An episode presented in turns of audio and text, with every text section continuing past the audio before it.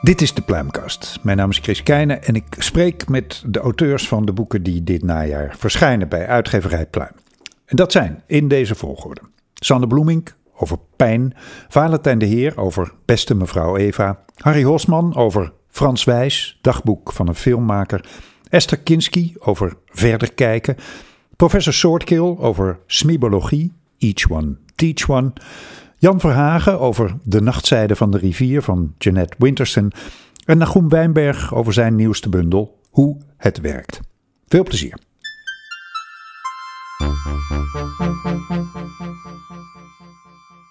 Voor haar vertalingen ontving ze in 2009 de Paul Celan-prijs voor Kreupelhout. Eerder in vertaling bij uitgeverij Pluim verscheen ontving ze de prijs der Leipziger Boegmessen. In 2020 verscheen het vervolg Langs de rivier, ook bij Pluim uitgekomen. En evenals haar roman Rombo, die op de longlist stond voor de Deutscher Buchprijs.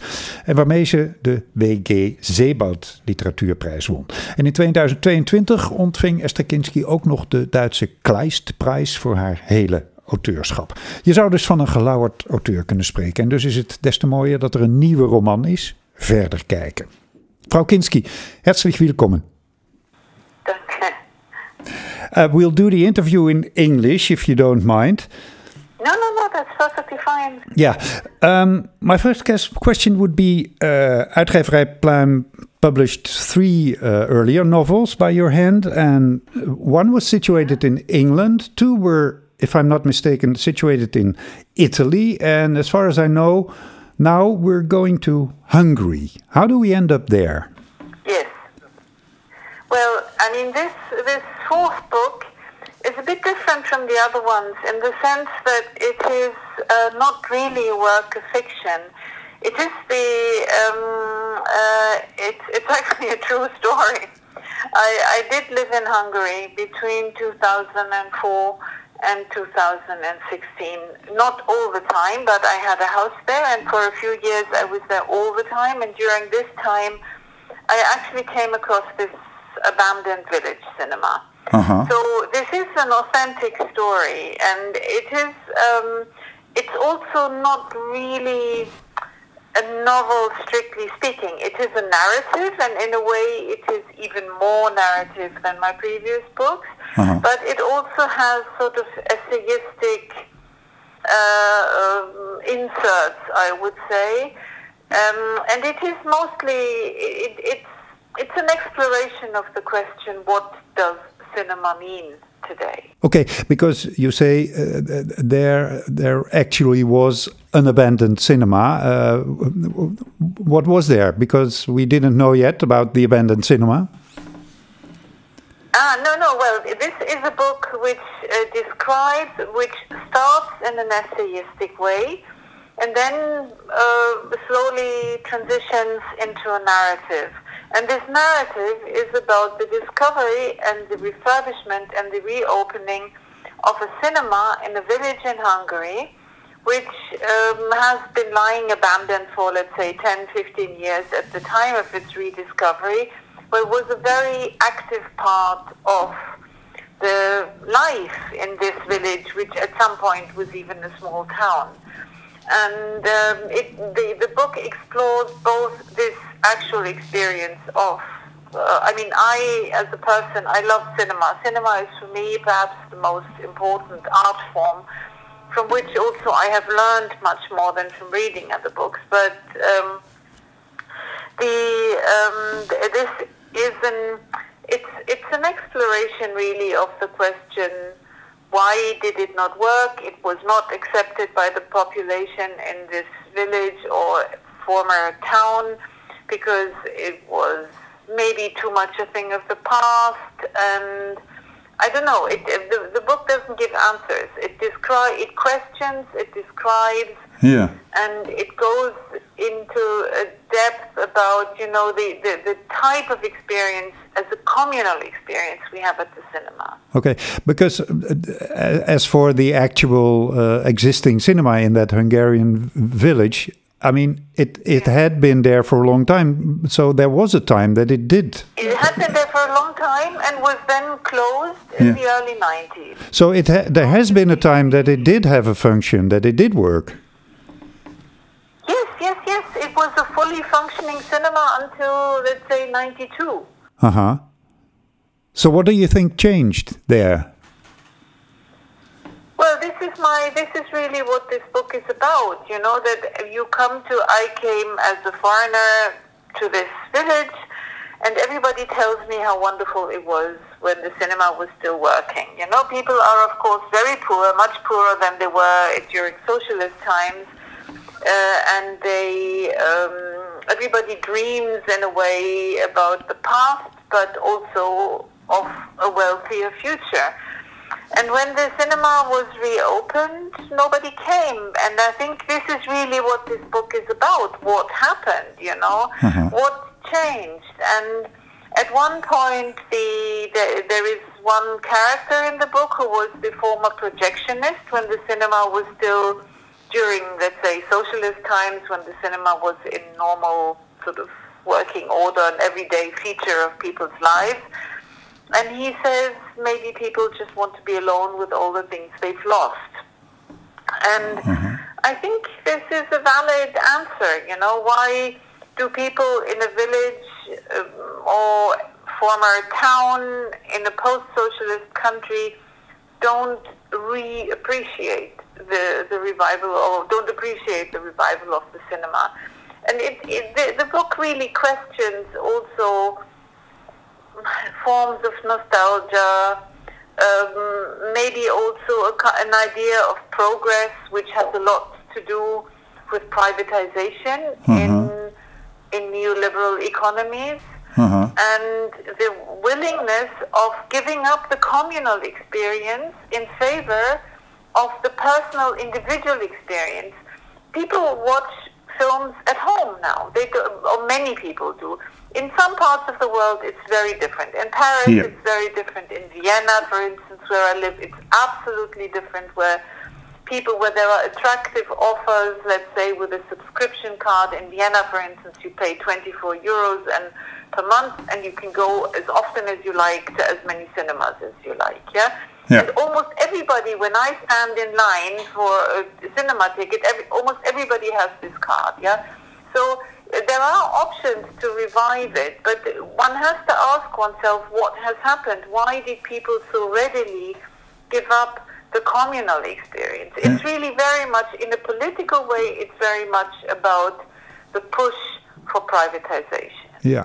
Is it in that respect? Uh, a book and are your reflections uh, mostly directed at the the the, the post communist or maybe I should say the post real existing socialist uh, societies? No, I think this is something which happens in the same way in in societies which were already neoliberal when socialism failed. It was uh, or, or collapsed or so-called socialism. I wouldn't even call this socialism. What how, what was the case in these countries? No, they they called it real existing socialism, but that yeah, that has a, yes, an, an know, ironic I know, I uh, feel to it. Yeah, yeah, yeah. yeah, but I, I think it's it's a question we all have to ask ourselves, no matter which political system is behind us um, and before us and around us. It's really the question: Why do people, wherever they are, why have they been persuaded to prefer the private experience to the communal public one? Why do people agree on the ever increasing limitations on public space, on public experience, you know? And, and, and this is, I mean, of course, the book is very much about my love for cinema mm-hmm. as a place, my love for film, but it's also, and it's about this experience of finding a few brave people who helped me refurbish the cinema, but ultimately it failed as um, as a proposal for a community. Yeah. But this has happened, would have happened in many other places, not just in Eastern Europe. And um, and I and this is really the question we have to ask ourselves. You Yeah. know why? Because everything is becoming private. You know, so many things are, working digitally, and people are not even aware to what extent they also expose themselves to control when when they agree to this kind of so-called privatization. Yeah. It's an interesting theme for uh, a writer, someone who writes books, while, well, reading is the most private and individualistic way in which you can uh, absorb culture, isn't it? Yes, but I'm, I'm not sure what the title of the book will be in Dutch. The German title is Weitersehen, Ja. which has a number of meanings. It, it means let's continue watching, Yeah. let's see what happens, Yeah. uh, let's look further. Yeah.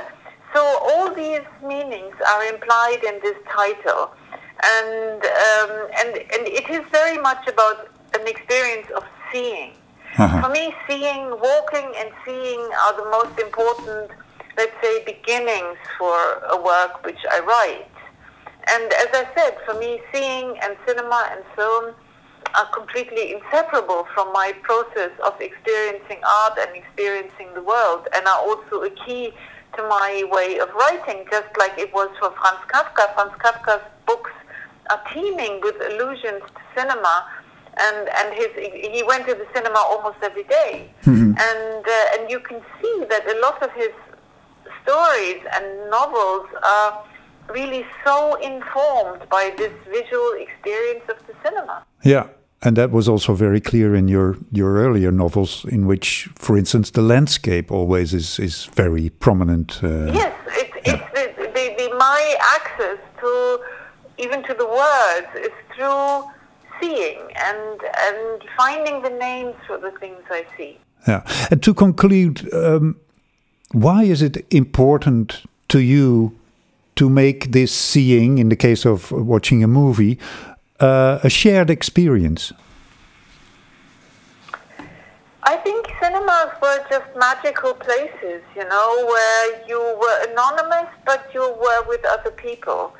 And I think it also, the fil- films are made for this screen. They are not made to be watched on the train or at home where you can turn off. They are entities, and it's not like a book. A film is a is something whole, which is which is made and conceived in order to be watched within one space of time. And I think cinema is this joint experience where you still are not, you, you don't participate actively in the community, but you are part of community. You watch this film, you have this visual experience to, together with other people. And I think collective experience is the key to solidarity, and solidarity is what we miss nowadays. You know, there is no, and solidarity has been simply politically undermined as a value, as a, as a communal value. And I think the more communal experience and collective experience we have, even if each of us sees and perceives the film individually, the more the idea of solidarity can survive. And this is this is one of my thoughts behind this book. Fascinating how uh, thinking about an abandoned movie theater can, can take us to uh, the concept of solidarity. We're very curious. Thank you very much, Frau Kinski. Thank you, thank you. Okay, all best. Bye. Bye bye. Verder kijken, wat dus als het oorspronkelijke boek Weitersehen heet, best goed vertaald is, van Esther Kinski verschijnt in augustus bij uitgeverij Pluim.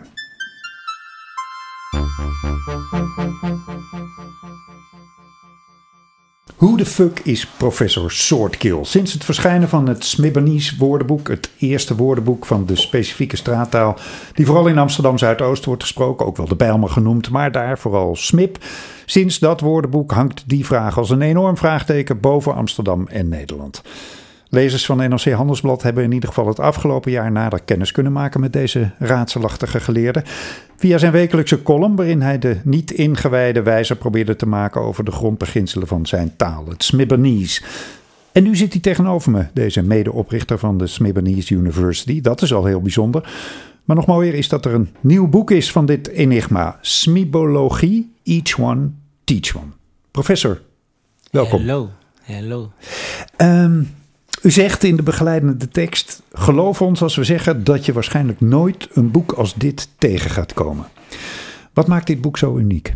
Uh, je kan trouwens gewoon je tegen me zeggen. En, uh, ja, daar heb ik bij professoren altijd ja, moeilijk mee. dat hoor. snap ik. Maar daarom, ik ben een unieke professor. En in dat opzicht, ja, om ook meteen antwoord te geven op je vraag. Ja, als de lezer, me, als de luisteraar me zou kunnen zien, dan zou je wel begrijpen wat ik bedoel. Maar gezien dat niet kan, laat me het gewoon uitleggen. Ik ben 29 jaar, ik ben jong, ik heb school niet afgerond, ik ben zwart, ik kom uit de Belmer, ik hou me bezig met hip-hop en ik heb een boek geschreven. En het is de derde. Ik denk dat dat al heel uniek is. Ja. En vanuit dat perspectief vertel ik ook over dat. Dus het is geen sprookje wat ik vertel. Of ik heb het niet over uh, hoe ik vroeger uh, ging buiten spelen of zo. Daar heb ik het ook over. Maar ik vertel eigenlijk vanuit mijn perspectief hoe ik de wereld bekijk. Hm. En uh, hoe de Smibanese University de wereld bekijkt. En over de Smibanese University. En wat dat is. En hoe dat tot stand is gekomen. En waarom ik een professor ben. Mhm. Enzovoort, enzovoort, enzovoort. Maar long story short. je gaat nooit iets als dit meer zien, denk ik, en hebben gezien. Omdat, ja, ik ben de eerste die het doet. Schrijven op deze manier. Ja. Want uh, laten we dan even bij dat, dat hoogleraarschap blijven. Uh, hoe, hoe ben jij professor geworden? Nou, ik uh, heb de Smibanese University opgericht en alleen professoren geven les op universiteiten. Dus toen moest ik mezelf zo noemen. En met dit boek ben ik gepromoveerd. Dus uh, ja, eerst was het gewoon soort kill met het woordenboek. Maar nu is het professor soort kill, want nu heb ik smibologie.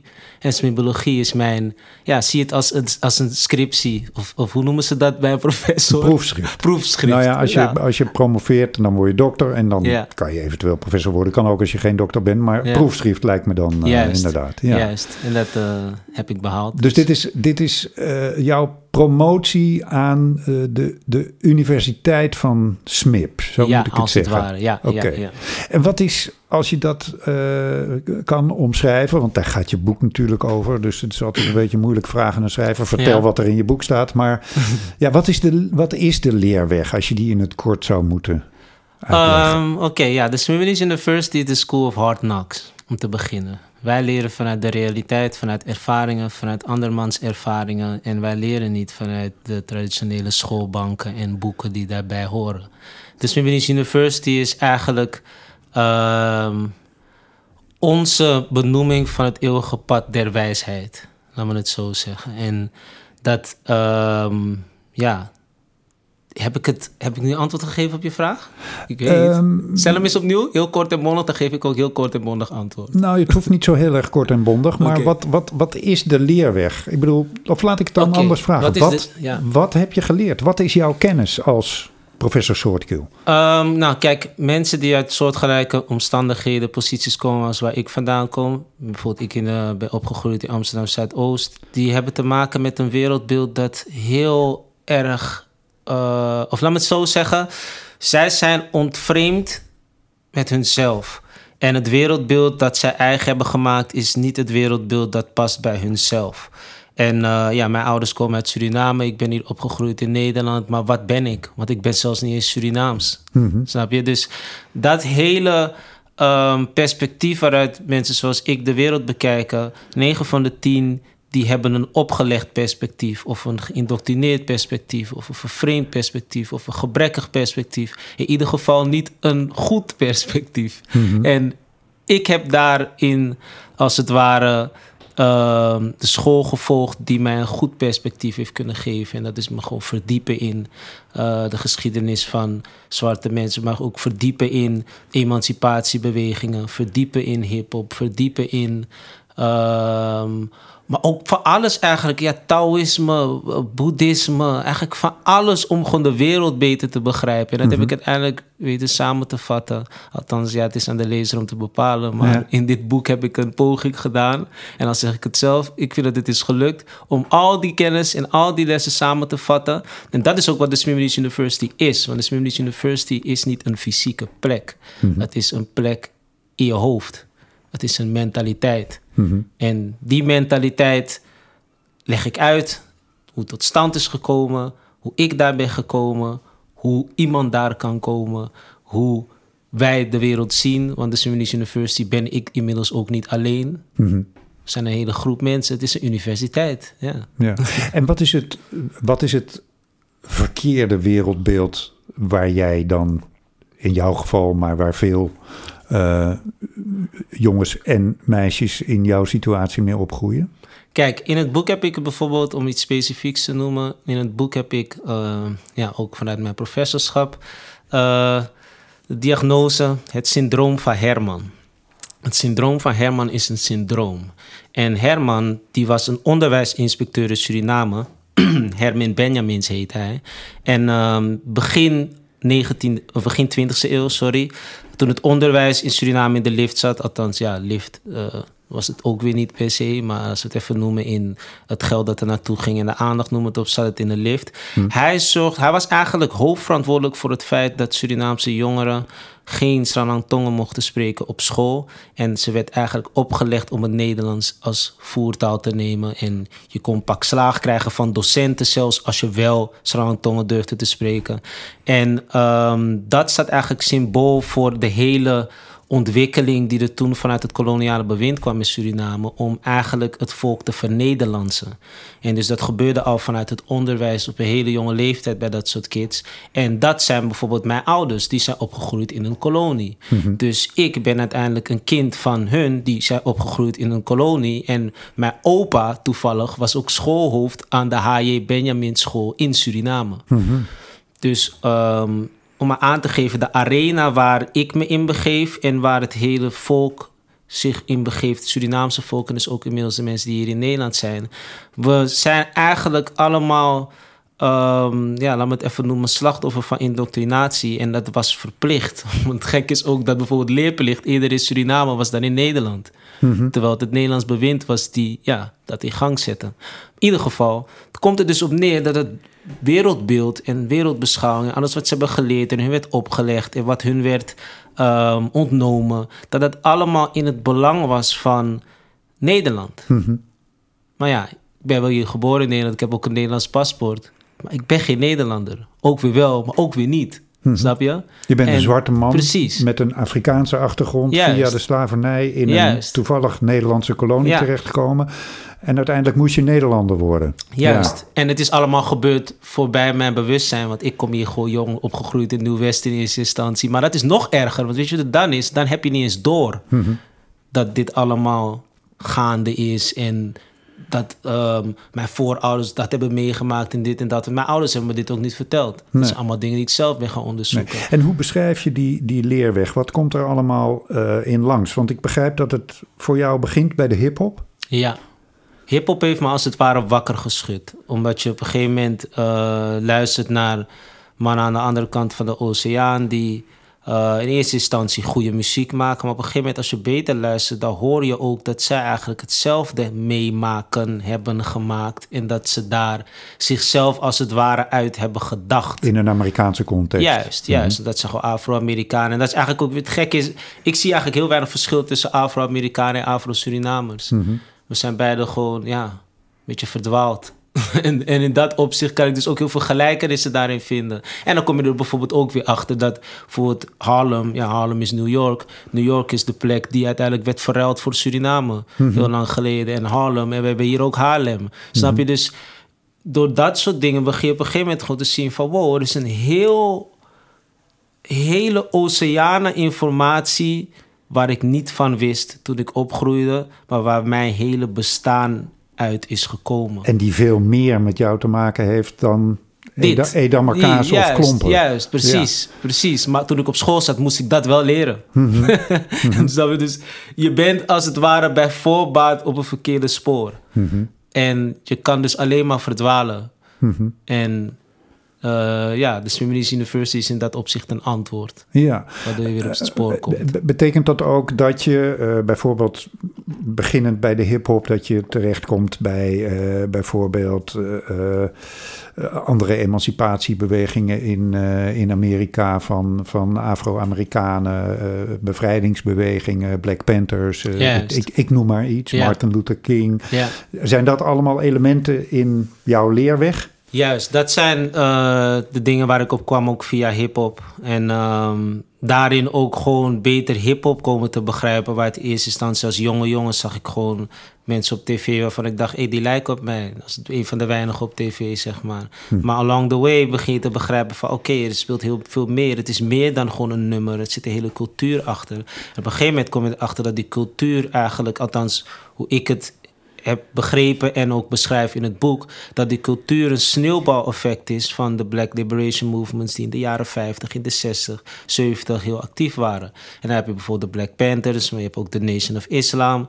Je hebt Marcus Garvey, die de eerste was eigenlijk die op die manier het deed, of, of een Booker T. Washington, maar ook in Suriname wat daar gebeurde. Een hm. Anton de Kom. Mhm. Of een, uh, hoe, hoe de Wiegi-Sani-beweging er was. Een Papa Koenders, een Eddie Bruma. Snap je? Dus op een gegeven moment zie je gewoon van... wow, eigenlijk elk land... of uh, bij Martinique bijvoorbeeld heb je Frans Fanon. Dus kortom, op een gegeven moment zie je dat eigenlijk... al deze mensen hebben het over hetzelfde.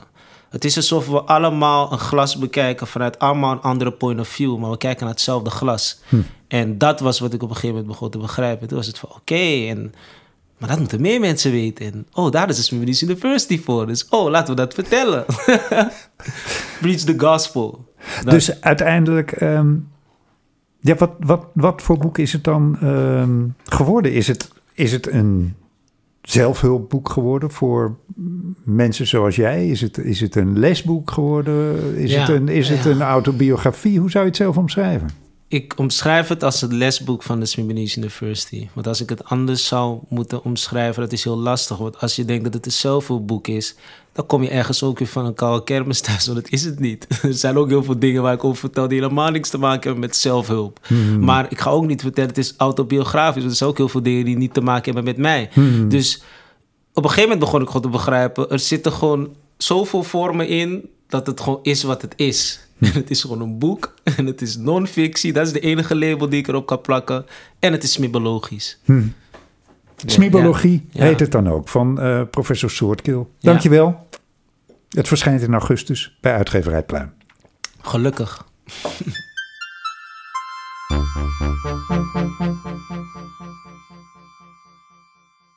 Valentijn de Heer promoveerde in groep 4 van de lagere school op een proefschrift over identiteitswanen bij zeedieren. Sorry Valentijn, welkom. Dankjewel. Ja, ik, ik, ik vond dit op het internet. Ik, het schijnt op internet nog steeds ergens rond. Uh, ja, klopt. Ja, ja. heb je het niet er zelf op gezet? Jawel hoor, ja, ja, ja. Nu denk ik, god, ja, het is een beetje uh, kolderiek misschien, maar... Nou, ik, ik heb eigenlijk nooit een mooiere karakterisering van een schrijver in de Oké, nou goed, dan laten we hem... Nee. dan laten als, je, zo. als je kan schrijven over de identiteitswanen bij zeedieren... en dat dan in, in groep 4 van de lagere school... dan ben je een geboren schrijver, toch? Ja, dat je in groep 4 denkt over alles te kunnen schrijven natuurlijk. Oké. Ehm, maar goed, je zegt er ook meteen bij, verder kwam, ik, verder kwam ik niet. Nee, dat klopt. Nee, nee. Maar je fascinatie voor taal en bedenksels is altijd blijven staan. Dat is dan de volgende zin. En je bent inmiddels wel verder, want naast een baan als zorgmedewerker heb je uh, inmiddels ook een aantal korte verhalen gepubliceerd. En je schrijft regelmatig voor het Parool. Maar, what's more, nu is er je debuutroman, Beste mevrouw Eva. Um, laten we beginnen met de titel. Dat klinkt als een brief. Het is ook een brief, klopt. Ah. Ja. ja. En wie schrijft de brief? Uh, Elias, de, de hoofdpersoon van het boek, tenminste, ja, schrijft het. Is een brief, het zou een brief moeten worden. Het, het is een poging om een, een brief te schrijven. Aha. En heel veel verder dan de aanhef is die eigenlijk ook niet gekomen. Ja, ja. Wie is Elias? Elias is de, de hoofdpersoon van het boek. Dat is uh, de, uh, de, oudste zoon van een, ja, een gezin dat uit in, in, een goede, in een goede wijk woont, maar waar achter de voordeur dan allemaal iets minder goed is dan dat het lijkt. Mm -hmm. uh, hij is de oudste zoon. Um, en op een dag wordt binnen het gezin een verstandelijk beperkt jongetje geboren. Uh, wat de verhoudingen binnen het gezin uh, ja, meer op scherp zet. Mhm. Ja, Ja. heel kort samengevat. En dat meer op scherp zetten leidt ertoe dat met name Elias misschien wel, begrijp ik uit de korte omschrijving die ik heb gelezen, iets te zwaar belast wordt voor zijn leeftijd. Ja, ja eh, vader, de vader van het gezin eh, wordt onvoorspelbaarder, wat, vertoont meer agressie. Moeder is eigenlijk niet bij machten om zowel Elias als het jongere broertje daarvoor te beschermen. Ga- ja, gaat zelf ook, eh, ja, hoe zeg je dat? In die zin achteruit. Wordt minder weerbaar en Minder eigenlijk... stabiel, geestelijk Ja, misschien. instabiel, Ja. precies. En eigenlijk heel langzaam sluit bij Elias... sluipt het er bij Elias in dat hij in eerste instantie zorg wil... en, en ergens ook moet dragen voor het verstandelijk beperkte broertje. Mhm. Steeds meer het gevoel heeft ook zijn moeder te moeten beschermen... tegen de grillen van vader. Mhm. Eh, en op een dag als vader eh, ziek wordt en daardoor ook eigenlijk eh, ja, hulpeloos wordt, is het cirkeltje rond en moet, is, is het eigenlijk dat Elias voor het, voor het hele gezin zorg probeert te dragen in ieder geval. Ja. ja. Waardoor een kind geen kind meer kan zijn. Nee, niet op de manier zoals je dat eh, het Ja. liefst zou zien. Ja. En wie is mevrouw Eva? Mevrouw Eva, dat is een, eh, een dame uit een ouder echtpaar... eh, die in dezelfde wijk woont als waar Elias opgroeit... eh, en waar hij eigenlijk per ongeluk mee in contact komt... en een, een goed contact, een goede relatie mee opbouwt... en eigenlijk wordt zij een beetje... ja, de, de hoop klinkt misschien een beetje overdreven... maar degene waar hij zich fijn bij durft te voelen. Waar hij, Mhm. nee, je hebt het net over kind zijn. Waar hij zich misschien steeds meer, naarmate die zich daar vertrouwder begint te voelen, steeds meer kind durft te zijn en zich steeds meer als, ja, als een kind van tien durft te gedragen. Ja. ja. Dus een, een, een, een lieve reddende engel in, Eigenlijk wel. in ja. de buurt. Ehm, nou zag ik de omslag van het boek en ik, ik heb me natuurlijk ook een beetje laten inkluisteren, maar ik herkende ook het huis wat Ja. de omslag van het boek siert. Want dat is een houten huis, Dat is een houten huis. groen, Ja. groen huis met rode luiken. Dat klopt. Ja. Het is Dat is een, eh, huis. een literair fenomeen, dat huis. Klopt, ja, in ieder geval de, de- ja, ja, de bewoner die er eh, naast mevrouw Eva ook nog eh, Want mevrouw Woonde. Eva bestaat. heeft bestaan. Ja, dat is Ja. inderdaad, klopt. Ja, de Eva, Eva Biesheuvel, de, de vrouw van Maarten Biesheuvel. Ja. Ja. Betekent dat dat Elias ook bestaat? Ehm, Elias bestaat voor een deel, voor een groot deel. Elias, Zit hij hier tegenover me? een deel daarvan wel, ja. Ja, klopt. Ik heb van, ja, ik heb van, ja, ehm, ik heb van mijzelf, ik heb mezelf, ge, ja, hoe noem je dat? Gepersonalificeerd? Zeg ik dat goed? Ik weet het niet. Eh, je hebt een karakter van jezelf gemaakt. Precies, ja. Een En van- protagonist, Ja. een romanfiguur. Ja, inderdaad. En eigenlijk van mijn verhaal ook een, een roman gemaakt. Dus ik heb, ik, heb, ik heb me met alles bezig gehouden, behalve met eh, wat is wel waar en wat is niet waar. Ik, ik, eigenlijk het hele stukje, het grensgebied tussen fictie en non-fictie, daar, daar ben ik gaandeweg steeds verder van weggebleven. Gaandeweg, want hoe begon je? Ik, ik had voor ogen om gewoon mijn verhaal op te schrijven. Omdat, Mhm. omdat ik dacht, god, dat, eh, ja, waarom niet? Dat zou leuk kunnen zijn. En jouw verhaal is in grote trekken het verhaal van Ja, dat klopt. gezin. En, Ja. en het verhaal van Eva Biesheuvel, waarbij jij... Ja, dat is wel een van de vond? fictieve elementen. Ik, ik kwam daar inderdaad als Mhm. kind, want het huis staat in dezelfde wijk als waar ik ben opgegroeid. Eh, en voor alle kinderen in de wijk had het huis een, een, een op alle kinderen had het een zuigende werking. Het, het hield een beetje midden tussen een kinderboerderij en een heksenhuis. Ja, Hans en Grietje huis. Ja. Ja, met, met een geit, met tien katten, met honden, met ja, alles en iedereen die daarin woonde. Eh, en eigenlijk eh, ben ik per ongeluk met ze in contact gekomen en eh, ben ik daar thuis gekomen. En ik, heb ik daar ges- gesprekjes gevoerd, ben ik me daar inderdaad heel prettig gaan voelen. Mhm. Maar het, het element waar het uiteindelijk in het boek naartoe gaat, Dat is, dat is uh, daar, daar heb ik mijn fantasie de vrije loop gelaten. Ja, Ja, daar, uh, moeten we dat spoilen of eh, laten we dat... eh, Ik weet niet of dat nou... eh, daar ben ik niet... nee, eh, dat weet ik ook niet, want ik heb het boek nog niet gelezen, want dat is er nog niet. nee, Maar ehm, nou, dat, dat- laten we dat, laten we Ja, dat nee, hij- in het midden hij- laten. de- de pers- Laat ik het anders vragen. Wat maakte... Ik bedoel, ze heeft dus een, een beetje die rol voor jou gespeeld. Maar wat Ja. maakte Eva eh, Biesheuvel een interessante figuur... om haar de rol van mevrouw Eva te geven? eigenlijk omdat zij alles was wat je... Nou ja, of je nou kind bent of inderdaad zoals Maarten Biesheuvel iemand bent... die minder weerbare periode doormaakt. Iemand die je eh, zo iemand toewenst. Een, een lieve, geduldige, rustige, stabiele en ontzettend warme factor... waar je gewoon kunt zijn, zitten, zijn... een koekje eten, thee drinken. God, hoe was je weekend? En klaar, niet meer dan dat. Je hoefde er niets achter te zoeken. Je hoeft je niet beter voor te doen dan je was. Het, het, het- een, een fijn mens waar je gewoon kon zijn wie je op dat moment was. Of je, of je nou blij, minder blij, of je nou aan alles twijfelde waar er maar aan te twijfelen viel. Het viel eventjes weg als, eh, als je met haar een koekje had. Ja, Ja. omdat het pretentieloos was, eh, zonder regels. Ja, zonder... inderdaad. eh, gewoon het zijn, het daar zijn, het daar zitten. Het Ja. wel iets zeggen of het niet iets zeggen. Het een spelletje doen. Het eh, Ja. uit het raam naar de geit in het gras kijken. Dat, ja. Ja. En je zei net, ik, ik wilde eigenlijk mijn eigen verhaal vertellen, maar gaandeweg ben ik meer de kant van de fictie opgegaan. Ja. Ehm, ja, wat ontstond er dan gaandeweg? Het Is dat- met de verstandelijke beperking is, is gaandeweg ontstaan. Dat ik Hmm. merkte dat als ik mijn eigen verhaal vertelde... dat het al heel snel zo'n... God, kijk eens hoe erg ik het heb gehad. En God, kijk eens hoe... eh, het werd een beetje een uh, meelijwekkende, trieste bedoeling. Ja. denk, ja, daar, daar, daar wil ik niet, eh, nee, daar wil ik niet aan meedoen. Nee. Dus ik heb eigenlijk het broertje in leven geroepen om,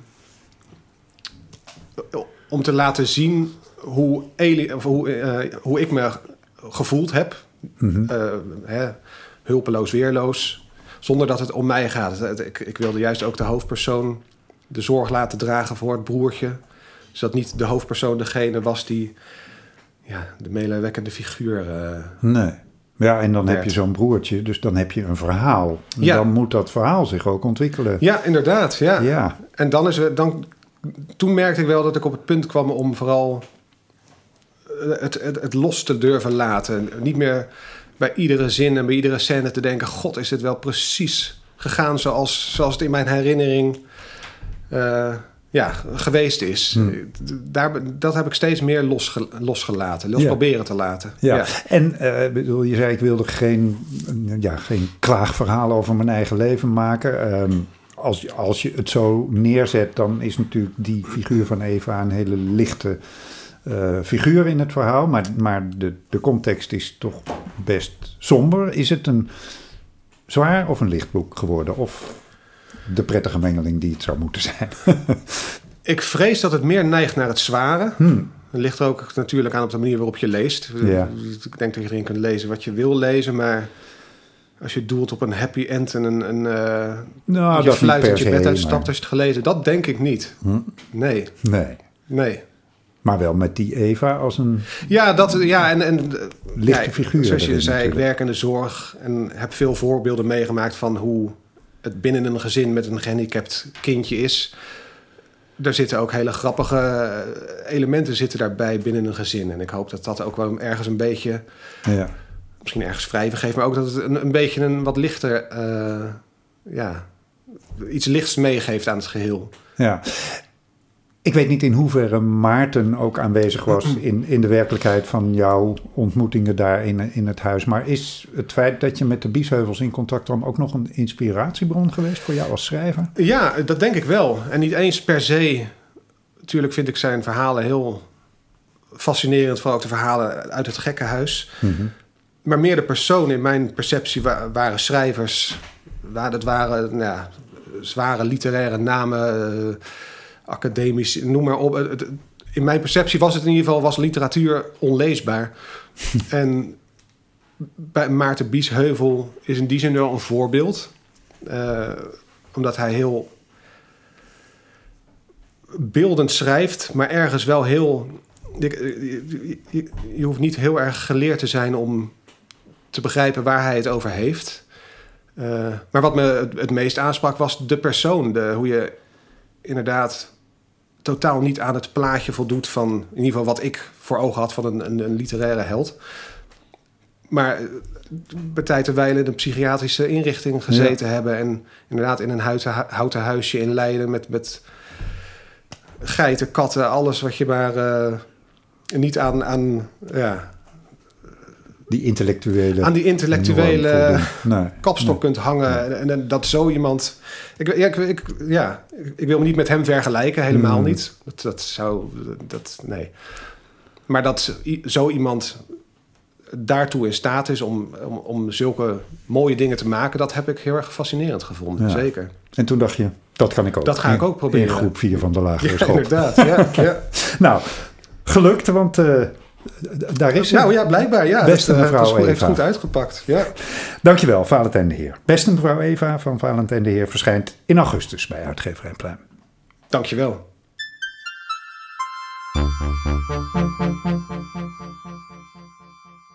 Frans Wijs is een van de belangrijkste Nederlandse filmmakers. Hij verwierf faam met onder meer het gangstermeisje, de inbreker, Charlotte, Havink, Leedvermaak en de televisieseries bij nader inzien en op afbetaling. En tijdens dat lange leven als filmmaker hield hij een dagboek bij. En Harry Hosman, zelf ook al een leven lang bezig met film, als medewerker van onder veel meer de VPRO en de Volkskrant, kon deze kleine schatkamer van de Nederlandse filmwereld niet aan zich voorbij laten gaan en schreef op basis van deze dagboekfragmenten dagboek van een filmmaker over een passievol en bijgelovig regisseur, een filmmaker vol angsten en twijfel. Harry, welkom. Dankjewel. Um, ja, laten we even op, uh, op dummy-niveau uh, uh, beginnen. Ja. Voor, voor de jongere boekhandelaren onder onze luisteraars. Wie is Frans Wijs? Frans Wijs is begonnen met filmen in Nederland halverwege de jaren 60. En hij heeft dat tot 2018 gedaan. De laatste film was Het leven is verrukkelijk. Naar het boek van Remco Kampert. Ja. En ja, hij is een van de pilaren van de Nederlandse film. Toen uh, de film in Nederland eigenlijk helemaal niks voorstelde. Er werden twee, drie films, speelfilms per jaar gemaakt. Ja. Hij was de eerste student van de Nederlandse Filmacademie, de allereerste. En hij heeft uh, ja, dus zeg maar meer dan 50 jaar films gemaakt, televisieseries gemaakt, ook nog veel commercials gemaakt, uh, theaterdingen. Maar hij is vooral vanwege zijn speelfilms natuurlijk bekend geworden. Ja. En, en ja, hij, is, uh, hij heeft uh, iconische films uh, gemaakt. Zoals, zoals? De, nou, De Inbreker, Charlotte, mm -hmm. de televisieserie Bijna erin zien... naar het boek van Voskuil. Wat echt een nieuwe standaard voor televisiedrama zette. Ja. En ehm, ja, hij is een bekende Nederlander. Werd hij op een gegeven moment ook. Uh, werd heel veel geïnterviewd, uh, uitgenodigd voor radio- en televisieprogramma's. Um, ja, en, en het is echt iemand die mede aan de basis uh, heeft gestaan van de moderne Nederlandse films. Is er, is er een vergelijkbare filmregisseur met zo'n lange staat van dienst in Nederland? Zou je kunnen zeggen, in navolging van Harry Mulisch, die de Tweede Wereldoorlog was, Frans Wijs is de Nederlandse cinema? Nou, dat kan je. Uh, dat zou wel aardig zijn als je dat kon zeggen, maar dat ga ik niet zeggen. uh, maar hij is wel een van de allerbelangrijkste. Ja. Uh, er was in de jaren zeventig had je twee grote filmmakers. Dat waren Paul Verhoeven en Frans Wijs. Ja. En ja, zij, zij, zij waren het gezicht van de Nederlandse film. Ja. Nou heb je geen uh, biografie geschreven, want het is gebaseerd op materiaal van Frans Wijs uh, zelf. Wat voor materiaal is dat precies? Nou, um, we begonnen met elkaar te spreken vanwege een heel ander project. En uh, dat was in 2014. En ik had hem wel eens meegemaakt op filmsets.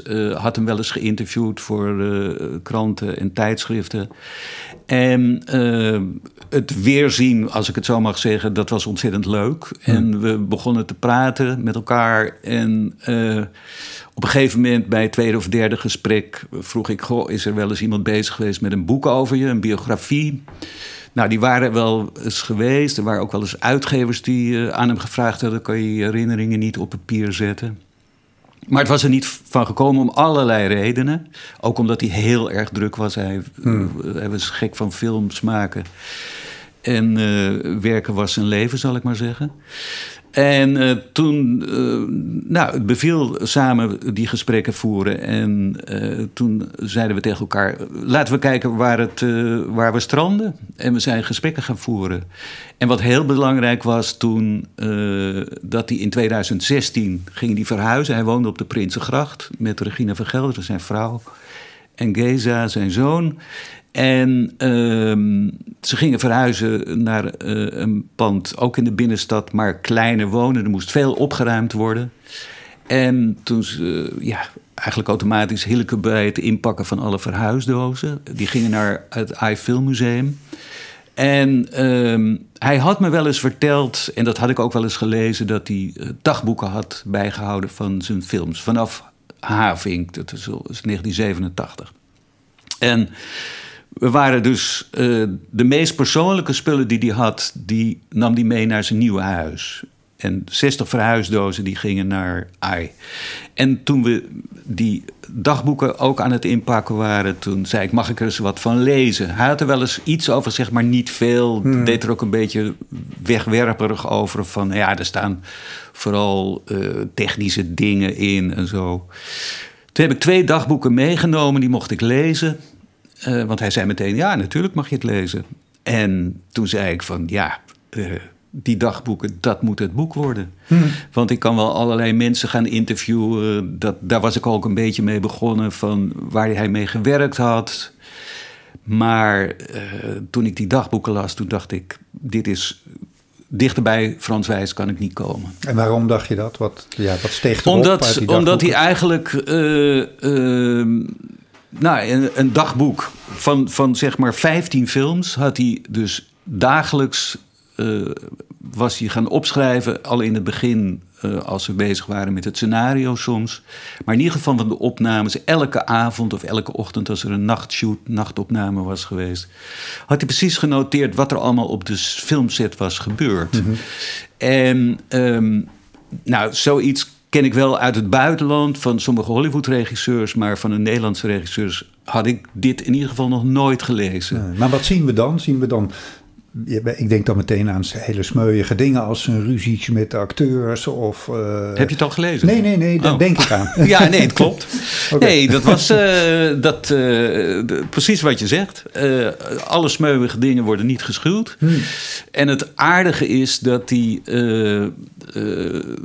hij, hij, hij zegt ergens ook... vormgeven aan je wanhoop is het begin van de genezing. En een doen van een filmopname of filmopnames maken als regisseur. Je bent uh, zeg maar het opperhoofd van een hele ploeg van acteurs, van technici. Is gewoon uh, uh, een, een grote klus. Wanhopige onderneming. Wanhopige onderneming ook. Ook hele leuke momenten natuurlijk. Het is ja. niet alleen maar van, oh wat is het erg allemaal weer op de set. Maar het is natuurlijk vechten met acteurs, met technici, met cameramensen. Geld regelen. Geld regelen. Dat in de, in de voorfase. dus ja. bijvoorbeeld hij heeft precies verteld... Uh, met Charlotte, dat was een heel belangrijke film, is dat in zijn oeuvre dat hij met zijn deux chevaux door heel Europa ging op zoek naar geld voor Charlotte. Over dus de kunstenaar. Over Charlotte Salomon. Ja. En uh, ja, dat is een, uh, een bizar verhaal. Dat hij naar de BBC ging, naar Sennefreis Berlin, een Duitse producent, Arthur Brauner, via Wim Wenders, Volker Sleundorf en Tegelijkertijd werd aan het scenario geschreven door Judith Hertzberg. En er werd dus uh, een storyboard gemaakt, dus met tekeningen van hoe de scènes eruit zouden kunnen gaan zien. Nou ja, dat soort verhalen zit er dus. Schreef hij ook op en heeft ja. hij verteld. Ja.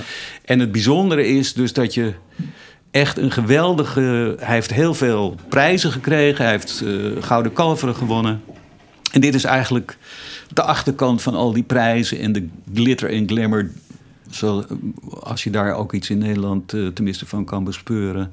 Dat, uh, dat je ziet nu de achterkant daarvan. Wat, wat gebeurt er eigenlijk op een filmset? En het is, uh, ja, dat, dat is vertelt veel over het filmmaken. Het vertelt veel over hem. Ja. Het vertelt veel over de cultuur in Nederland. Ja.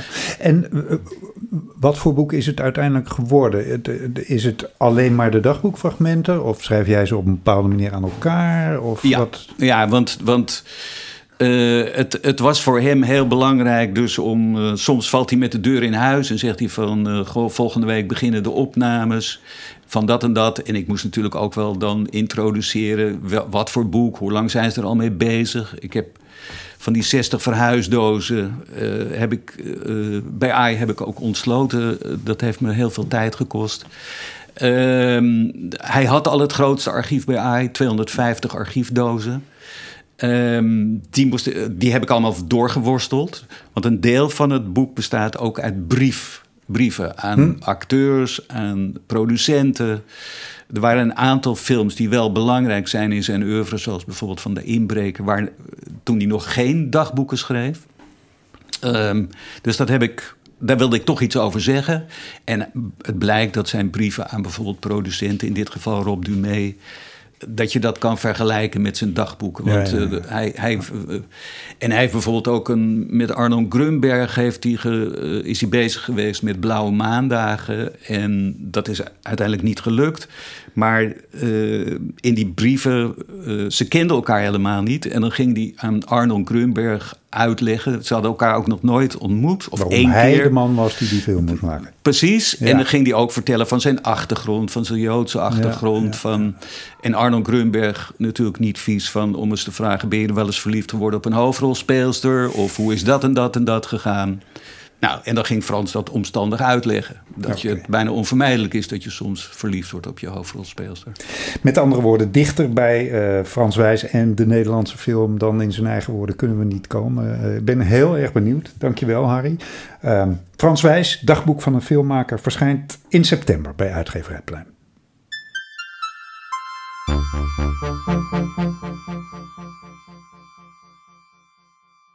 Jeanette Winterson werd geboren in Manchester. Tijdens haar studie Engels aan de Universiteit van Oxford schreef ze haar eerste roman. Sinaasappels zijn niet de enige vruchten. Oranges are not the only fruit. 1985 was dat, over een gekwelde jeugd in een streng religieus milieu. Die roman werd meteen bekroond met de Whitbread Award. En haar naam als een van de grote stemmen in de moderne Britse literatuur was meteen gevestigd. Haar veelgeprezen oeuvre omvat inmiddels twaalf romans, twee verhalenbundels, vier jeugdboeken en een autobiografie. Voor haar verdiensten voor de literatuur werd ze in 2018 geridderd in de Orde van het Britse Rijk. En in 2019 werd haar roman Frankenstein genomineerd voor de Booker Prize. En uitgeverij Pluim proudly presents het nieuwste boek van Jeanette Winterson, De Nachtzijde van de Rivier. Het werd voor ons gelezen door Jan Verhagen. Hij is directeur van boekhandel Van Pieren in Eindhoven. Goedemiddag Jan. Goedemiddag, hallo. Ja, laten we even bij het begin beginnen. Ik heb al nodig over haar reputatie gezegd. Maar um, als, je, als je haar voor de lezer moet neerzetten, wie is Jeanette Winterson? Ja, nou ja, de, de eerlijkheid gebiedt mij te zeggen dat uh, ik nog niets van haar gelezen heb. Oh. En ik vond het ook al, ja, en ik vond het wel een hele leuke aanleiding om dat juist wel eens een keer te doen. En uh, mijn interesse gaat zelf altijd wel uit naar auteurs die wat spelen met de realiteit. Hè, ze magisch realisme is ook al een thema wat, wat wel een beetje aan gekoppeld wordt. Ja. Uh, en nou ja, dat, dus dat, dat maakt het ook echt wel nieuwsgierig naar haar. En, en ze heeft ook een aantal andere thema's die steeds terugkomen. Zie ik trouwens ook alweer terug in deze verhalenbundel. Identiteit, gender kom je geregeld tegen. dus in die zin is hij wel een auteur die echt wel echt al midden in deze tijd staat. Ja, en hoe beviel de kennismaking? Ja, ja heel erg goed. Ja, ik, uh, ja, misschien ontkom ik dan niet meteen, uh, of ontkom ik er dan niet aan om meteen ook even iets over die verhalenbundel te zeggen. Ja, doe maar, uh, doe maar. De nachtzijde van de rivier. Ja. Ja, want uh, ja, je zou natuurlijk kunnen zeggen, ja, het is een verhalenbundel. En dat is het ook. Uh, alleen, uh, ja, je kunt het ook zien als een, uh, als een ode aan het, aan het spookverhaal. want ze begint het boek ook met, eerst eigenlijk meer met een overzicht van, hey, wat hebben we nou eigenlijk? Hoe spelen die spookverhalen in ons leven, in de geschiedenis van de mens een rol, maar ook in de literatuur. Dus daar geeft ze ook een, een heel mooi beknopt overzicht van. En ook, is, en, en, ook hoe zij eigenlijk ertoe gekomen is om dan daarmee door te gaan om zelf ook verhalen te schrijven. met daarin dat, dat thema. Want wat zegt ze daarover? Wat zegt ze over het fenomeen spookverhaal en de rol die dat speelt in onze levens? Nou ja, ze verbindt het uh, onder andere aan uh, religie natuurlijk. Hmm. Uh, of ja, daar verbindt ze het aan. Um, Oké, okay, dus, dus ze begint een beetje essayistisch over wat het spookverhaal eigenlijk betekent in onze cultuur. Maar tot, tot wat voor soort verhalen leidt dat bij haar? Wat, wat voor verhalen zijn haar spookverhalen? Ja. ja. Nou ja, goed, ze legt in die inleiding legt ze wel uit van hey, um, ik heb uh, ze uit hoe zij een aantal verhalen heeft geschreven en dat ze die uh, onderverdeeld heeft in een aantal thema's. En dat kom je ook terug in de, op, tegen de opbouw van, van de bundel. ze begint met een aantal verhalen en die vat ze samen onder het kopje apparaten dan uh, zoomt ze in op plekken, mensen en geestverschijningen. En um, ja, ik moest eigenlijk ja, ik moest zelf eigenlijk wel denken toen ik, toen ik het las. Kijk, je, hebt, uh, je kent de, de, de, de, spookverhalen van de, de, de 18e en 19e eeuw. Edgar Allan Poe. En natuurlijk hè, kom Ja, precies. En, um, en, en, en natuurlijk kom je de, de geschiedenis ook wel vaak in, in verhalen tegen. Als het, hè, van bijvoorbeeld als het in een bepaald huis dat er ooit iets gebeurd is mm -hmm. en, en, en, een geest blijft daar uh, rondwaren. Uh, in die zin, hè, dat, dat, dat kennen we. Mm. Uh, alleen bijvoorbeeld het, het gedeelte over apparaten deed mij heel erg denken. Uh, aan wat je ook ziet als je Black Mirror kijkt. Um, Science fiction serie, hè? Ja. Technologie. Ja, ja, ja. ja. Uh, artificial intelligence. Dus je kunt je, je, je overleden partner. Uh, nou, er is heel veel informatie. Uh, misschien, we, gebruiken allemaal computers. Dus als je partner overleden is, dan is er heel veel data beschikbaar. En die zou je kunnen stoppen in een, in een, in een artificiële partner die doorleeft na de dood. Uh, en uh, daar kunnen we ons steeds meer bij voorstellen. Maar wat als zo'n uh, artificiële partner een eigen leven begint te leiden, of misschien jouw leven begint te invloeden, beïnvloeden? Of als jij bijvoorbeeld een VR-bril opzet en je gaat naar een wereld die je hebt uitgekozen om, om een alternatief leven te leiden. wat als je dat nou daar elementen van in je dagelijks leven tegenkomt? Er gebeuren hele gekke dingen in die verhalen. Waarbij je soms ook af kunt vragen van... hey, gebeuren die echt? Of heeft dat te maken met de psychische toestand van uh, het personage... Mm -hmm. waar je op dat moment over leeft, leeft. Maar dat is natuurlijk iets, een vraag die je altijd kunt stellen. Dus yeah. je kunt geloven in spoken of je kunt bedenken van... ja, dat kan natuurlijk ook met een en het kan ook iets psychologisch zijn. En daar speelt ze ook wel heel erg mee. Dus bij sommige verhalen laat ze ook wel heel erg duidelijk in het midden wat er nou precies aan de hand is. Ja, dus ik begrijp dat ze in ieder geval voor een deel het, het spookverhaal echt uh, de, de moderne digitale wereld intrekt. Ja, ja, want wat dat betreft, ik vind het echt wel um, een, een heel uh, eigen tijdse uh, uh, ja, eigen tijdse verhalenbundel. Uh, nee, je wordt niet echt het verleden ingetrokken. Het is het hier en nu. En er kunnen allerlei dingen om je heen gebeuren waarvan je denkt, hmm, verzin ik dit nu? Zit dat in mijn hoofd? is er een alternatieve werkelijkheid? zijn er bepaalde geesten of entiteiten die, die toch nog door leven of, of toch ergens aanwezig zijn. Um, ja, dat is natuurlijk niet alleen voorbehouden aan de 19e eeuw. Nee, nee. Als je dit leest. En, en, uh, je dan? En puur als, uh, als schrijfster, want ze was dus nieuw voor jou. hoe, hoe heb je haar stijl ervaren? Um, ja, hoe heb ik haar stijl ervaren? Ik, ehm, ik vind dat zij een, een, een, eh, een heel prettige stijl heeft, waarbij ze soms. Uh, ze legt niet alles uit. Dus je, soms door indirecte verwijzingen kom je erachter.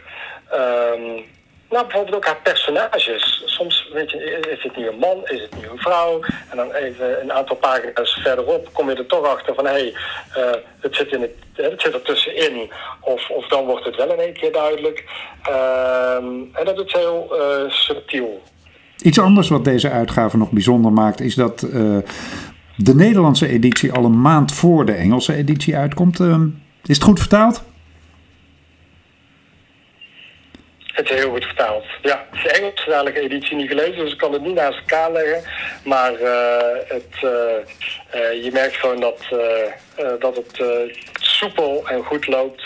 En ik ben sowieso altijd wel, kijk, ik, ik kan Engels lezen, kan Nederlands lezen. Ehm, maar ik ben er toch ook altijd wel een voorstander van om de vertaling te lezen. Want een, een vertaler is over het algemeen beter in Engels dan, dan ik dat zelf ben. Eh, dus eh, eh, daarom ja, dat zeg ik ook vaak tegen klanten in de winkel. Ben ik ook altijd wel een voorstander van om echt wel die, die Nederlandse vertaling te lezen. Iedereen is vrij om te doen wat hij wil natuurlijk. Maar ja, ik, ik zou zeggen, lees de vertaling. En ja, mooi trouwens inderdaad dat hij dus eerder uitkomt. Want jij bent vrij om te adviseren wat je wil. Hartelijk dank Jan Verhagen, directeur van Boekhandel van Pieren in Eindhoven. Graag gedaan. En de nachtzijde van de rivier van Jeanette Winterson verschijnt dus in Nederland al in september bij uitgeverij Pluim.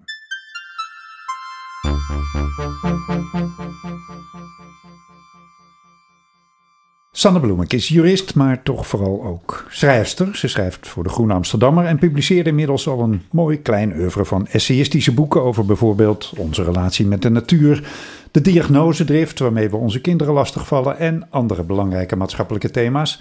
En nu is er Pijn. Een expeditie naar onbestemd gebied. Een titel die weinig aan de verbeelding overlaat. Sanne, welkom. Dankjewel. Um, ja, we hebben natuurlijk allemaal een relatie met de natuur. En misschien heb jij ook wel kinderen of ben je als kind ook uh, uh, gediagnosticeerd als het een of de ander. Um, maar ik zou me zomaar kunnen voorstellen dat er bij zo'n onderwerp als pijn nog een persoonlijke aanleiding is om het te behandelen. Ja, dat klopt. Dat klopt. Ik, uh, eh, 13 jaar geleden uh, heb ik een blessure opgelopen tijdens het kickboxles. Oh. En um, ja, ik lag opeens op de grond en ik kon helemaal niets meer. En uh, dacht daarna heel lang, dat gaat wel weer weg, gaat wel weer over. Maar dat is eigenlijk nooit meer overgegaan. Daarna ben ik een aantal keer geopereerd. En is er eigenlijk een soort pijnsyndroom ontstaan. Oh.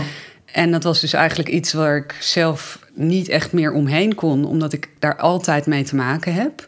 Ik heb heel lang daar juist helemaal niks over willen schrijven, omdat ik dacht, ja, dat Want is helemaal. Die pijn is er altijd. Die pijn is er altijd, ja. En ik dacht, dat is helemaal niet sexy en heel vervelend. En iedereen, ik heb dat zelf ook. Hè, als iemand naar de tandarts is geweest, dat je denkt: Oeh, vertel het niet wat je hebt moeten doen, want het, wekt aversie op. En daarom vond ik het dus ook heel eng om daarover te schrijven. Maar het was zo'n duidelijk onderdeel van mijn leven dat ik er eigenlijk gewoon niet meer omheen kon. En op een gegeven moment heb ik besloten: ik ga er niet meer van weglopen, maar ik ga er juist naartoe lopen. Ja. En, dat is eh, ook altijd de therapeutische Dat is de ja, precies, in de pijn. In de pijn. Dus dat, nou, dat heb je letterlijk gedaan. Dat heb ik letterlijk gedaan, mhm. ja. En omdat ik ook altijd, dat is ook hoe ik werk, dat is hoe ik werk, maar ook hoe ik gewoon leef eigenlijk, is dat als ik op een gegeven moment echt ergens tegenaan loop, dat ik het gewoon helemaal stuk ga onderzoeken. Ik ben ook wetenschapsjournalist en uh, ja, ik ben gewend om, uh, om daar dan echt heel diep in te duiken. Ja. Is dat trouwens heel even tussendoor, maar is dat ook. Uh, is dat ook een goed therapeutisch advies als het over pijn gaat? Ga in de pijn? Um, ik denk Gedeeltelijk wel, maar ook weer niet. Het is een beetje dubbel, hè? want ze zeggen ook wel eens: alles wat je aandacht geeft, groeit. Dat is ook mhm. zo'n standaard uh, advies. Ja, uh, en dan moet je dus eigenlijk geen aandacht geven. Al die standaard adviezen ja. spreken elkaar ook weer tegen. ja, precies. heel fijn. Dus nee, ik denk, ik denk dat, het, uh, dat, het, dat het kan helpen, mm -hmm. maar mhm. dan wel op een bepaalde manier. Oké. En welke vragen riep het bij jou als ervaringsdeskundige met name op die je wilde beantwoorden? Nou, ik wilde vooral kijken naar pijn als iets veel breders dan alleen maar uh, een medisch verschijnsel. En wat, wat mij opviel, is dat er aan de ene kant uh, over pijn uh, we hebben natuurlijk veel meer pijnstilling. En er wordt wel eens gezegd, we zijn niks meer gewend. Hè, we zijn watjes geworden.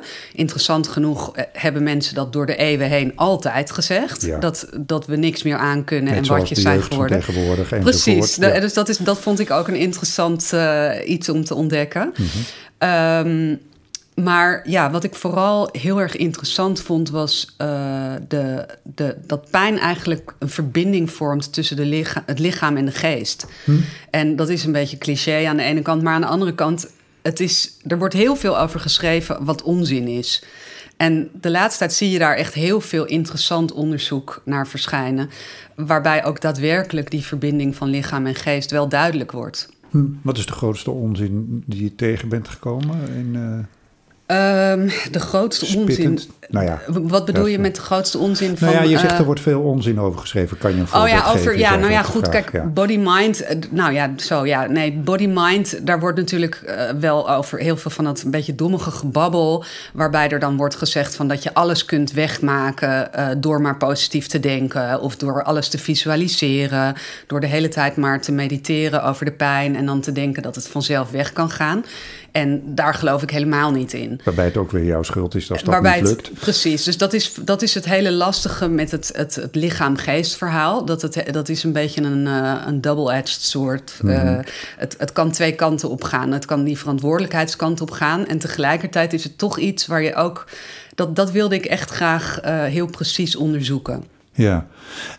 En wat heb je ontdekt waardoor je echt stom verbaasd was? Ehm, waar ik stom verbaasd over was, ja, ik denk dat ik eh, vooral eigenlijk de, de nieuwste onderzoeken die er zijn gedaan door eh, neuroimmunologen, die echt aantonen dat eh, bepaalde ervaringen in de jeugd, bepaalde overweldigende ervaringen in de jeugd, dat die daadwerkelijk invloed hebben op het immuunsysteem, echt op het niveau van cellen. En dat vond ik, ja, echt, echt verbazingwekkend. Dat, dat, uh, dat kon ik me bijna niet voorstellen. En dat betekent niet dat als je iets hebt meegemaakt, dat je dan per definitie ook altijd chronische pijn zult krijgen. Maar het maakt je wel kwetsbaarder. En zelfs is het zo dat je zou kunnen denken dat bijvoorbeeld kinderen die bepaalde dingen meemaken, dat die ook al op jongere leeftijd behandeld worden om te voorkomen dat ze later pijnsyndromen ontwikkelen. Aha, want pijnsyndromen en immuunsysteem hebben veel met elkaar te maken. Ja, dat, dat, Dat is al dat nieuw was voor mij, inderdaad. oh, nee, dat klopt. Ja, dat is eigenlijk alweer een stap verder. Ja, Ja. Dat, eh, dat, eh, eh, ja dat klopt. Het, is het, de, het immuunsysteem heeft daar dus mee te maken. De meeste mensen denken bij pijn aan het zenuwstelsel. Ja.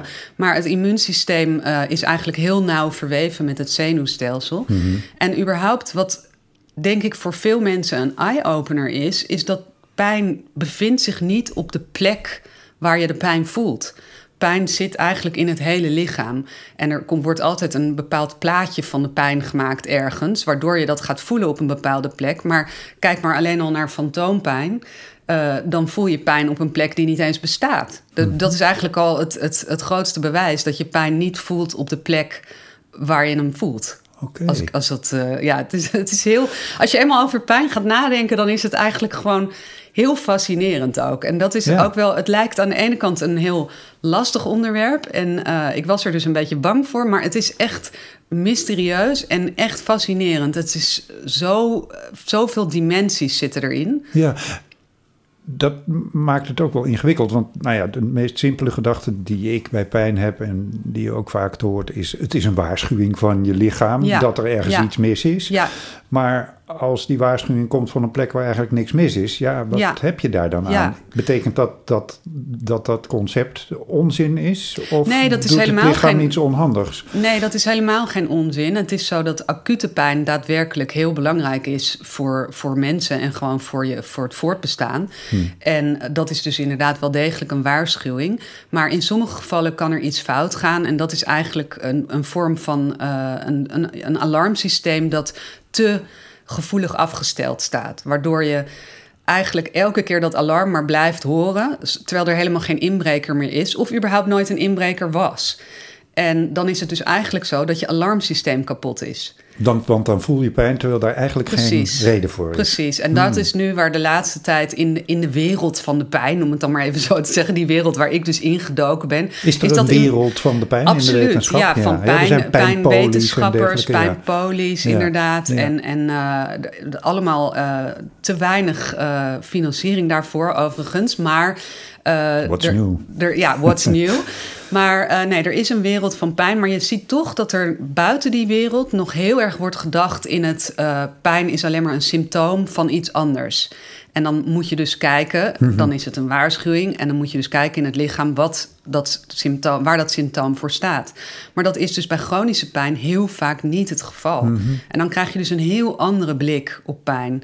En dat is heel interessant, ook wat je ziet, eh, hoe daarover nagedacht wordt op dit moment. Van wanneer is nou dat omslagpunt? Wanneer wordt die acute pijn chronische pijn? En wat zijn daar de gevoeligheden voor? En daar wordt steeds meer over bekend. Dus dat is echt eh, heel interessant. Pijn als probleem aan zich, om het eh, Ja, ja. eens met een ja de pijn wordt dan eigenlijk de ziekte zelf. Duitse filosoof te zeggen. Ja. Oké, ehm, is het je bedoeling met het boek ook dat mensen met chronische pijnklachten daar iets aan hebben? Ik bedoel, het is geen zelfhulpboek als ik jou zo hoor. Nee, het Al is- was het maar omdat je jezelf vaak niet kan helpen. Nee, precies. Het is geen zelfhulpboek met een stappenplan. Maar het is wel zo dat één op de vijf mensen in Nederland en eigenlijk in de hele wereld last heeft van chronische pijn. Dus het zou natuurlijk fantastisch zijn als mensen ehm, iets aan mijn boek zouden kunnen hebben. En ik denk dat een van de belangrijkste boodschappen is dat eh, pijn, eh, het, het vertellen van een verhaal over pijn, dat dat ook eh, helend kan zijn. En dat je daar ook iemand heel goed door kunt leren kennen. Ehm, en in die zin denk ik dat ook dit pijnverhaal, wat niet alleen mijn eigen pijnverhaal is, maar Nee. dus ook een veel breder pijnverhaal en ook gaat over de rol van pijn in de samenleving en de manier waarop pijn toch vaak wordt weggedrukt en een be- ja, eigenlijk een taboe is. Ehm, dat je er op een andere manier naar gaat kijken en daardoor ook misschien wel, ja, denk ik wel degelijk ook. Voor mijzelf is bijvoorbeeld het belangrijkste therapie is te weten dat je niet alleen bent. Ja. Is het schrijven van het boek ook helend geweest?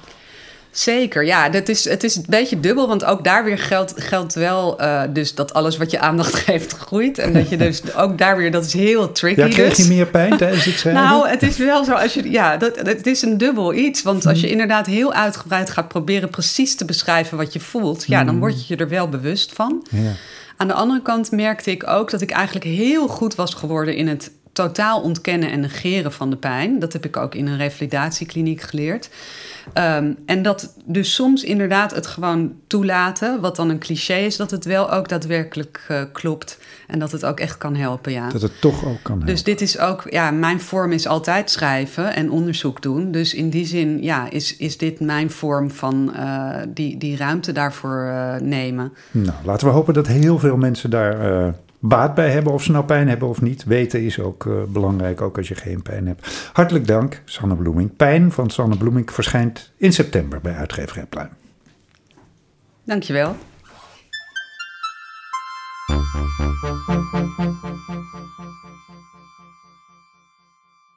Nagum Wijnberg is schrijver en hoogleraar aan de faculteit Economie en Bedrijfskunde aan de Universiteit van Amsterdam. Zijn eerste gedichtenbundel verscheen in 1989 en inmiddels staat de teller op 22 bundels en 5 romans, waarvan een aantal in vertaling verscheen in diverse landen, met name in de Anglo-Saxische wereld, maar ook in Italië. In 2018 kreeg Nagum Wijnberg de PC Hoofdprijs voor Poëzie.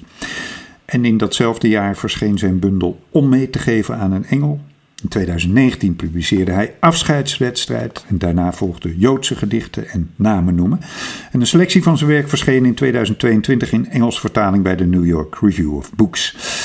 Maar Nagim is nog lang niet uitgeschreven, want nu is er Hoe het werkt, een nieuwe bundel. Welkom Nagim. Ah, dank je, Chris. Ja, als ik de aanbiedingstekst eh, lees in, in de folder van uitgeverij Pluim, die las ik en toen dacht ik in eerste instantie, je hebt een boek geschreven over hoe kunst werkt. Maar het is dus een gedichtenbundel. Eh, ja, het is zeker een gedichtenbundel. En eh, die gedichtenbundel gaat vooral over hoe, hoe eigenlijk alle kunsten werken, inclusief poëzie.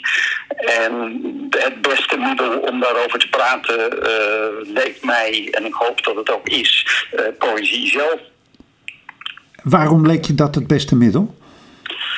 Omdat poëzie nu juist die kunst is die het makkelijkste over, over uh, op een hele expliciete, want gebruikmakend van de taal die we toevallig ook spreken, uh, manier gebruik maakt van om, om, om, om betekenissen zo helder mogelijk te maken, om dingen in taal te begrijpen. En taal is nou eenmaal ook het, het, het middel wat we gebruiken voor gebruiksaanwijzingen. Soms met een klein diagrammetje erbij, maar ja, ja. dus eh, oké, je hebt dus, een, begrijp ik, eh, een poëtische gebruiksaanwijzing van, uh, van kunst geschreven. Ja, het is natuurlijk, kijk, ten eerste is het, is het, is het, uh, is het, gaat het om veel te veel tegelijk. Maar dat is op zich ook uh, uh, relevant zelfs. Want een deel van de bundel gaat ook over juist hoe kunst het mogelijk maakt of, met, met veel te veel tegelijk om te gaan. En het ja, er zitten dus er zitten heel veel ideeën achter. Maar een van de meest basale ideeën is dat alles wat kunst is, is een afbeelding op de een of andere manier die niet helemaal precies is. Die nooit helemaal precies is. En die afbeelding is niet noodzakelijkerwijze van iets wat je ziet, een object of, of, of zelfs een, een hele groep objecten, maar kan ook een afbeelding van een verhaal zijn, van een redenering zijn, van, van hoe een andere afbeelding een afbeelding is. En al die onprecieze afbeeldingen, uh, die, die werken met hoe de delen van die afbeelding zich met elkaar verhouden. Zowel op het niveau van de betekenissen of de niveaus, vele daarvan van de betekenissen en van het materiaal zelf. En hoe die zich met elkaar verhouden, heeft iets te maken met wat voor wegen, wat voor paden er mogelijk zijn tussen die delen, die dan weer die betekenis scheppen, in welke kunst dan ook. Mhm. En dat is iets wat voor mij ja, redelijk belangrijk is om beter te begrijpen. En ik, ik denk trouwens zelfs dat het beter begrijpen daarvan ook heel veel helpt, of kan helpen in ieder geval bij het begrijpen van wat artificiële intelligentie doet. Maar dat is waarschijnlijk iets voor een ander gesprek. Nou ja, je zei al dat het over heel veel gaat, maar daar, daarover dus uiteindelijk ook. Maar goed, als je een, uh, een boek of een gedichtenbundel schrijft die je Hoe werkt kunst noemt, dan moet je ook weten hoe kunst werkt. Wist je dat al of ben je dat gaan ontdekken terwijl je deze gedichten schreef?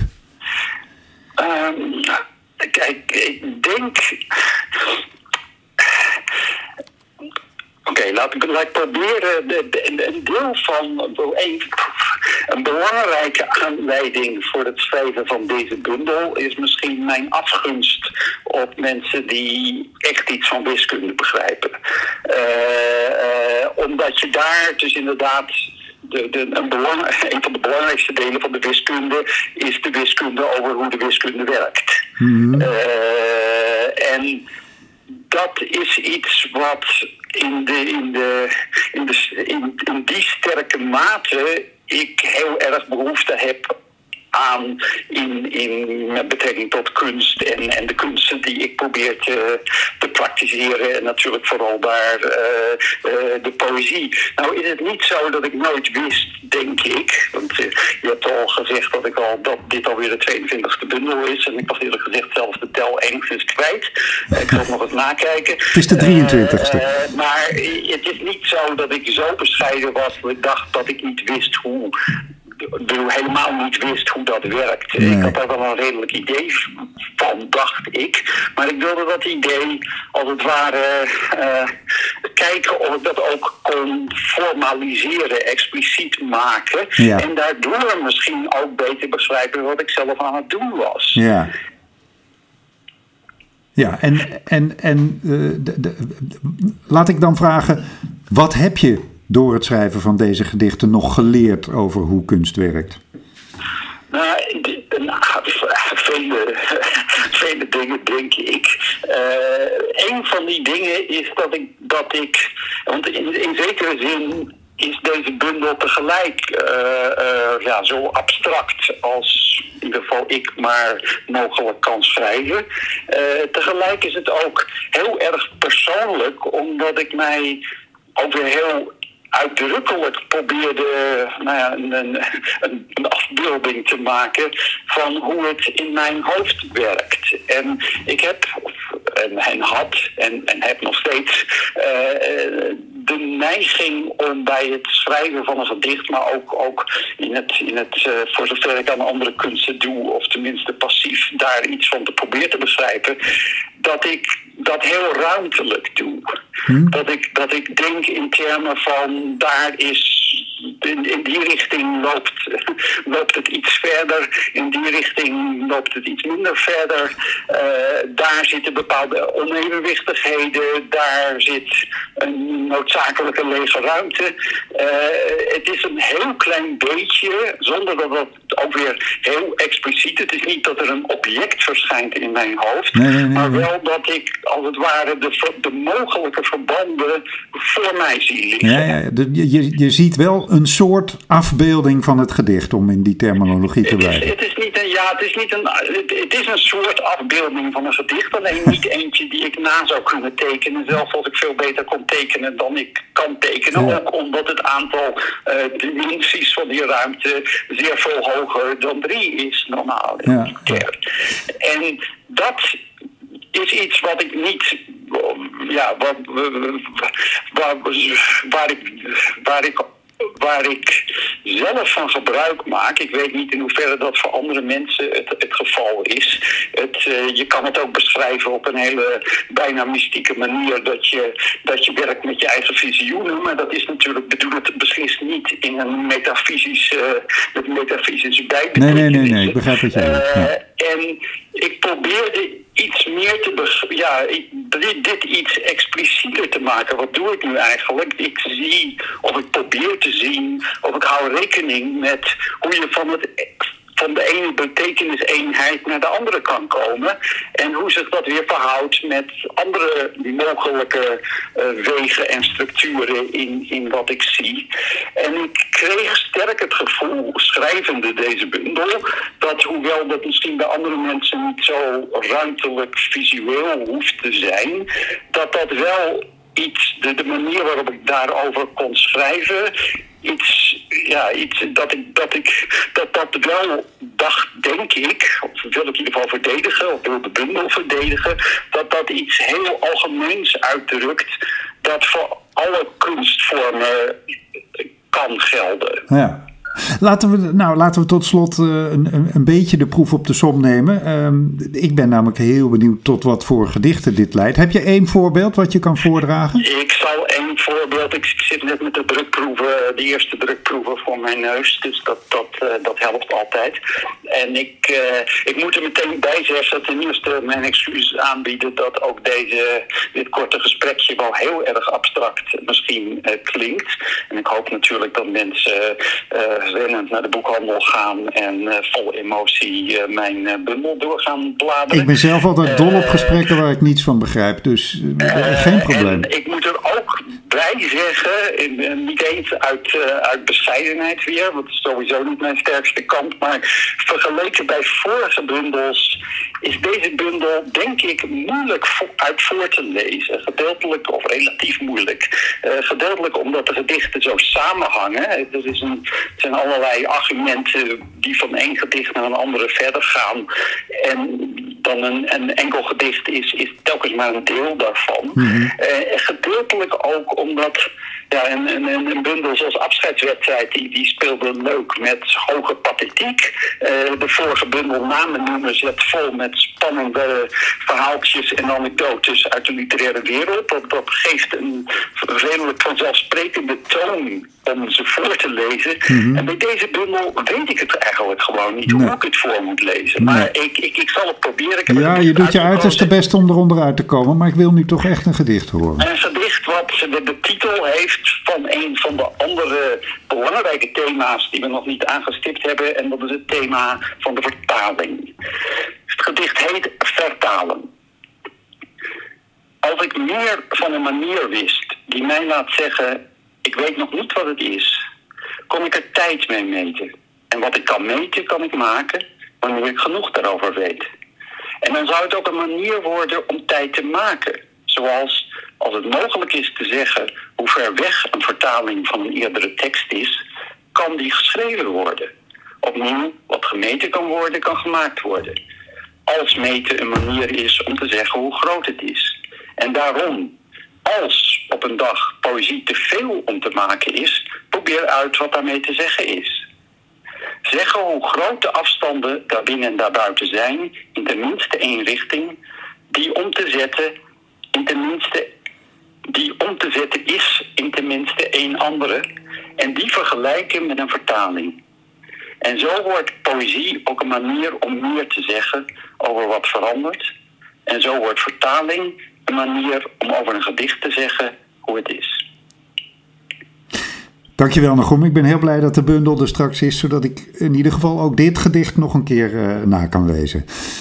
Dank je. Dank je zeer. Ehm, Hoe het werkt van Nagum Wijnberg verschijnt in september bij uitgeverij Pluim.